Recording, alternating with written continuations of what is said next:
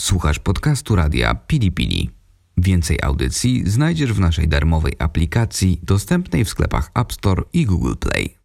Listen, czyli lisie słuchowisko o życiu w kamperze. Cześć, tu Zosia. I Kuba. Jesteśmy Foxes in Eden, inaczej Lisy w Edenie. To jest audycja Lisen, czyli lisie słuchowisko o życiu w kamperze. Zapraszamy na ósmy odcinek pod tytułem Media w kamperze i nie chodzi tutaj o telewizję. Dzisiaj opowiemy Wam o tym, jak i dlaczego zostaliśmy egoistami, żyjąc na pełen etat w kamperze. Zdrowymi egoistami. Zdrowymi egoistami. A dlaczego egoistami? Ano dlatego, aby trochę sobie zaoszczędzić czasu, aby trochę zaoszczędzić sobie energii być może. I zaoszczędzić przede wszystkim trochę mediów, które mamy w tym kamperze, bo o to właściwie chodzi. I właśnie tak jak Kuba powiedział, w tytule nie chodzi o media typu telewizja czy internet Czy radio czy radio, ale chodzi o wodę, o prąd. i o gaz. Często zadawane są nam pytania, skąd bierzemy wodę do kampera i Mm. co z nią robimy. No kanalizacji podpiętej pod kamper nie mamy, niestety. Nie. Jeszcze się nie udało. Nie stoimy w jednym stałym miejscu, bo być może wtedy byłoby trochę łatwiej. I dzisiaj chcielibyśmy Wam powiedzieć właśnie, skąd ta woda się bierze, co z nią robić i jak często To robić. to robić. Przede wszystkim, jak wyjechaliśmy, to zaczęliśmy obserwować to, ile zużywamy tej wody, ile zużywamy prądu i zaczęliśmy to porównywać z tym, ile zużywaliśmy tych mediów y, w mieście, kiedy żyliśmy stacjonarnie w mieszkaniu i okazało się, ku naszemu, może nie zaskoczeniu, bo się tego spodziewaliśmy, ale okazało się, że w tym mieście naprawdę bardzo dużo tych mediów, no można powiedzieć, że marnowaliśmy. Dla przykładu, my w kamperze mamy zbiornik z czystą wodą, 90-litrowy. A jak można się domyślić, na przykład jedna kąpiel w wannie zabiera, myślę, że właśnie tyle wody. Cały ten zbiornik i do, do, do tego wody ciepłej, bo my tutaj mówimy o zbiorniku wody zimnej, a teraz taki zbiornik starcza nam nawet na 4-5 dni. Im nie- dłużej jesteśmy na wyjeździe, tym starcza nam na, dłużej. tak. I to nie jest tak, że to starcza na 4-5 dni jakiegoś takiego straszliwego szczypania się, że my tylko szczoteczkę do zębów zmoczymy i już zakręcamy kran. To jest tak, że codziennie się myjemy, bierzemy prysznic, zmywamy naczynia, oczywiście myjemy te zęby, no i jeszcze tam czasem coś innego się zdarza z tą wodą i ta woda starcza w takim normalnym użytkowaniu rzeczywiście na 4-5 dni, więc poza wszystkim dowód na to, że prysznice zabierają mniej wody niż kąpiele. To już, to już tak już generalnie rzecz biorąc mówię. Ja na przykład zauważyłem, że zacząłem się inaczej myć pod tym prysznicem. Naprawdę, zakręcam kran. Kiedyś to jednak nie było takie często. Ja myślę, że się nauczyłeś inaczej myć pod prysznicem e, w momencie, gdy wyjechaliśmy i mieliśmy tylko i wyłącznie zimną wodę, czasami Aha, lodowatą tak, wodę, tak. ponieważ woda miała wtedy temperaturę taką, jak miała, miało temperaturę otoczenie. No czasami bywało, że było blisko zera, na przykład na zewnątrz. Teraz już jest trochę lepiej, mamy ogrzewanie, ale też nie takie duże, bo raptem 10 litrów gorącej wody, jak się ją zmiesza z zimną, to jest trochę więcej, ale no, to nie jest tak, że non-stop mamy bieżącą wodę. A dla osób, które nie wiedzą, jak potem ta woda płynie, co się z nią dzieje, jak już ją zużyjemy sobie, ona po prostu płynie sobie takimi zwykłymi rurami, powiedzmy kanalizacyjnymi, do zbiornika na tak zwaną szarą wodę, która jest pod samochodem i ten zbiornik musimy regularnie gdzieś opróżnić. A no właśnie, opróżnić. I tutaj przechodzimy do tematu, którego my musieliśmy się nauczyć. Jak tylko wyjechaliśmy kamperem i zaczęliśmy w nim żyć, zauważyliśmy, że taka obsługa kampera zajmuje sporo czasu. Musimy znaleźć konkretne miejsce do obsługi kampera. Często to są właśnie tak zwane camper serwisy. I tam jest miejsce zrzutu, czyli miejsce, gdzie możemy taką szarą, brudną wodę wylać, czy opróżnić toaletę, ponieważ my mamy toaletę turystyczną. E, No i też są miejsca z czystą wodą, gdzie możemy sobie taką wodę zatankować. Jeżeli chodzi jeszcze o toaletę, bo to też na pewno może y, jakoś tak interesować Was, toaleta turystyczna różni się od takiej toalety kamperowej, tak zwanej kasetowej, tym, że my ten zbiornik z tak zwaną czarną wodą musimy wyjąć z środka samochodu z tej toalety i go wynieść, natomiast w kamperach zwykle toaleta jest tak zwana kasetowa i ten zbiornik wyjmuje się bokiem samochodu, taką klapką, ale też trzeba z tym zbiornikiem gdzieś pójść. To jest właściwie takie samo. Musimy gdzieś wylać te nieczystości i to właśnie są w takim najbardziej standardowym wydaniu camper serwisy, ewentualnie kempingi, bo czasem też umożliwiają takie y, wylanie wody. Czyli żyjemy trochę tak jak w stacjonarnym mieszkaniu, tylko sami musimy o to zadbać. No nie podpisujemy z nikim umowy, nikt nie opróżnia za nas tych zbiorników. No i to też nam dało do myślenia pod kątem w ogóle takiego komfortu życia, tak? Bo wcześniej nie myśleliśmy właściwie skąd płynie woda, może wiedzieliśmy skąd płynie, ale nie myśleliśmy o tym na co dzień. Dopiero wtedy, kiedyś nagle była przerwa w dostawie ciepłej wody, to wtedy było, o Boże, jak niedobrze, niedobrze. A tu się okazuje, że to nie jest takie oczywiste i życie miejskie to jest naprawdę wielki komfort, ponieważ nie musimy się w ogóle troszczyć o obsługę tego rodzaju. No chyba, że ktoś ma domian rodzinny, no ale to jest jakby odrębna sprawa. Mieliśmy taką sytuację na przykład już w drodze, a propos tego, że jest przerwa w dostawie wody. We Francji nie mogliśmy znaleźć takiego miejsca z wodą publicznego, dostępnego przez ponad tydzień. Możecie się domyślić, że nasze funkcjonowanie no, było już takie mało komfortowe wtedy. Za bardzo nie wiedzieliśmy, co z sobą zrobić. Na samym początku no, wyjazdu wiedzieliśmy, postanowiliśmy... co trzeba zrobić, umyć się, ale nie umyć dało się. się tak, ale na samym początku postanowiliśmy, że nie będziemy korzystać z płatnych kempingów, więc staraliśmy się tego nie robić, no ale w pewnym momencie już e, nie było wyjścia, więc znaleźliśmy takie miejsce postojowe. To nie był kemping, ale takie miejsce zorganizowane pod kampery za 7 euro za dobę bodajże. No i tam woda była, tam zostaliśmy była. Mhm. ocaleni, umyci. Tutaj nawiązując do właśnie tematu wody, to w skrócie chyba warto by powiedzieć, co zrobić, jeżeli tej wody znaleźć nie możemy w takim miejscu pierwszym z brzegu. My się już tego trochę nauczyliśmy, wtedy jeszcze nie wiedzieliśmy. Teraz jest to trochę łatwiejsze, choć nie zawsze takie oczywiste. Po pierwsze tak, oczywiście camper serwisy, kempingi, no to jest taki pierwszy, można powiedzieć, strzał. Nieraz już nalewaliśmy wody na stacjach benzynowych, bo tam często są jakieś takie kraniki, które są używane do zmywania. Trzeba też pamiętać, i to podkreślamy, nam się to zdarzyło, żeby tą wodę próbować, bo na stacji benzynowej raz nam nalali wodę chlorowaną mocno. To nie było fajne, więc tutaj uważajmy. Są takie miejsca jak MOPy, czyli miejsca obsługi podróżnych. One są zwykle przy drogach, przy autostradach. Już o tym mówiliśmy, jeżeli chodzi o nocowanie, natomiast tam też właśnie można taką wodę znaleźć. Oczywiście zawsze można zapytać ludzi, czy nie mają um, takiej wody odsprzedać na tak. przykład, albo pożyczyć.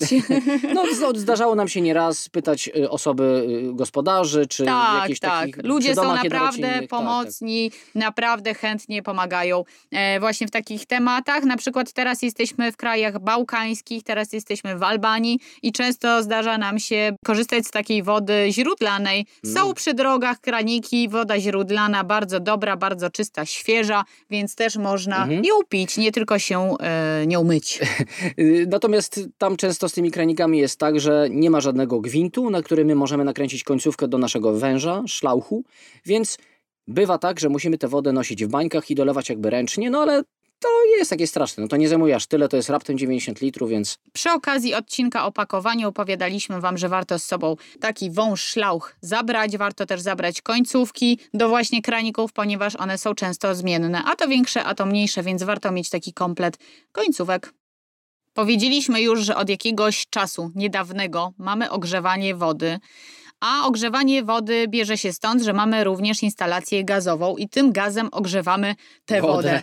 Tak, w osobnym bojlerze grzejemy sobie wodę. Tak, mamy butlę gazową 11-kilogramową, taką normalną, domową butlę gazową i używamy jej również do gotowania. Do momentu, do którego nie mieliśmy ogrzewania wody, używaliśmy jej tylko i wyłącznie do gotowania i wtedy butla starczyła nam na 3,5 miesiąca takiego codziennego użytkowania, normalnego użytkowania. Grzaliśmy sobie rano wodę na herbatę, na kawę, robiliśmy obiady.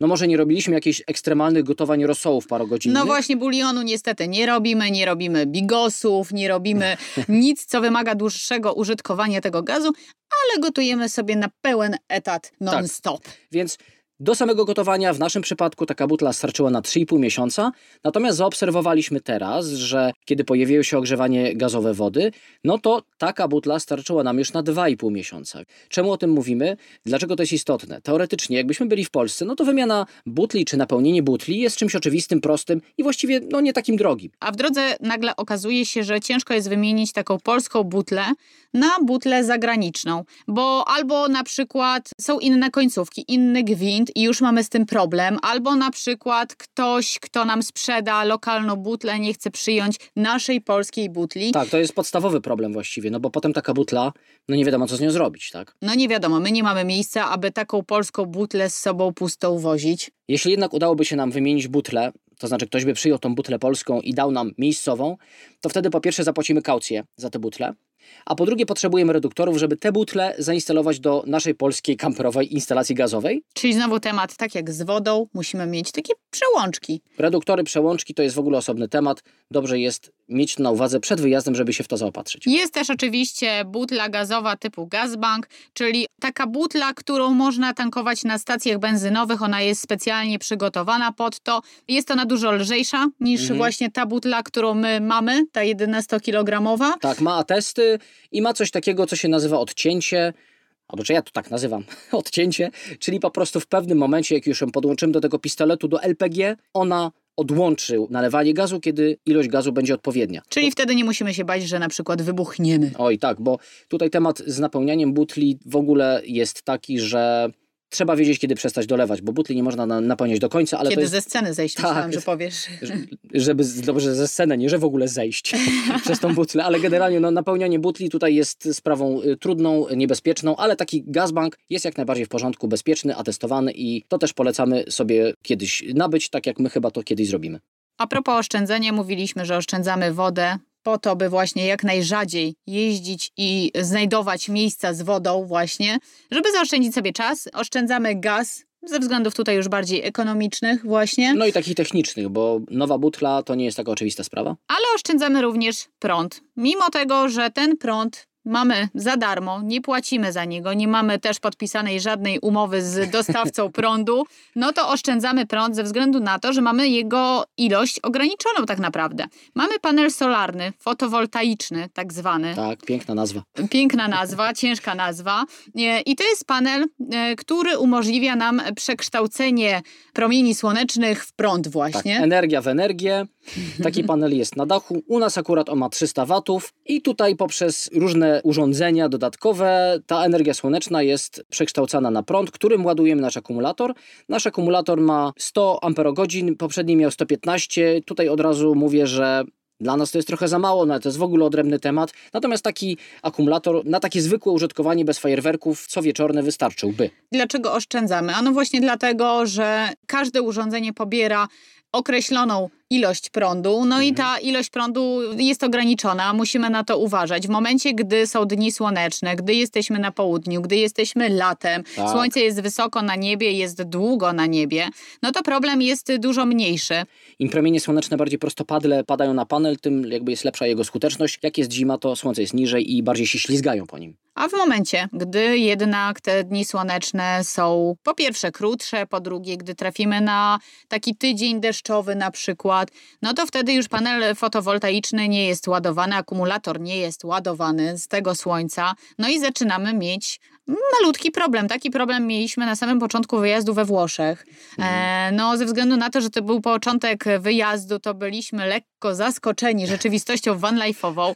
We Włoszech spotkaliśmy się z tygodniowym opadem deszczu, zero słońca. Szaruga, Szaruga totalna. Było nawet tak, że akumulator nam się wyładował do tego stopnia, że nie mogliśmy nawet zapalić światła Znaczy, w samochodzie. może nie do końca. Problem jest taki, że nie można akumulatora zbytnio rozładować, bo jak go rozładujemy poniżej pewnego poziomu, ten akumulator się zaczyna niszczyć.